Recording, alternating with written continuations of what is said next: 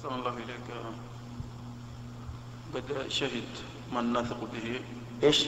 شهد من نثق بهم أن أنهم رأوا القمر في الصباح في المشرق. أن؟ أنهم رأوا القمر في الصباح في المشرق في وقت الصباح يعني.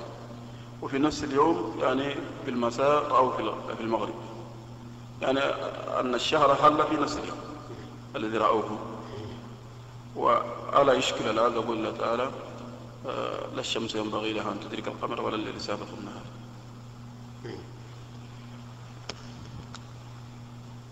الظاهر لا يشكل هذا. لأن معنى لا الشمس ينبغي لها أن تدرك القمر يعني لا يمكن للشمس أن تخرج ليلا. ولا الليل سابق النهار يعني لا يمكن أن يكون الليل في النهار. ومعنى الآية أن الله تعالى قد قدر الليل والنهار فلا يمكن أحدهما أن يكون في وقت الآخر. لكنه جل وعلا بحكمته يولج الليل في النهار ويولج النهار في الليل يدخله.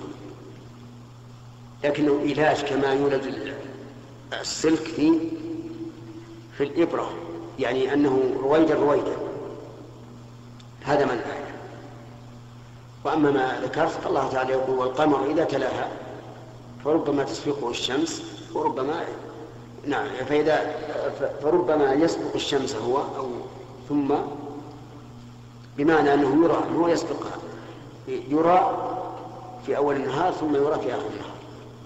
وهذا يقع. المهم من الثقات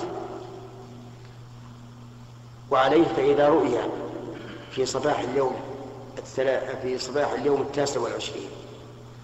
ثم شهد شهود ثقات أنهم رأوه في ليلة الثلاثين بعد الغروب فإنه يحكم بدخول الشهر الثاني.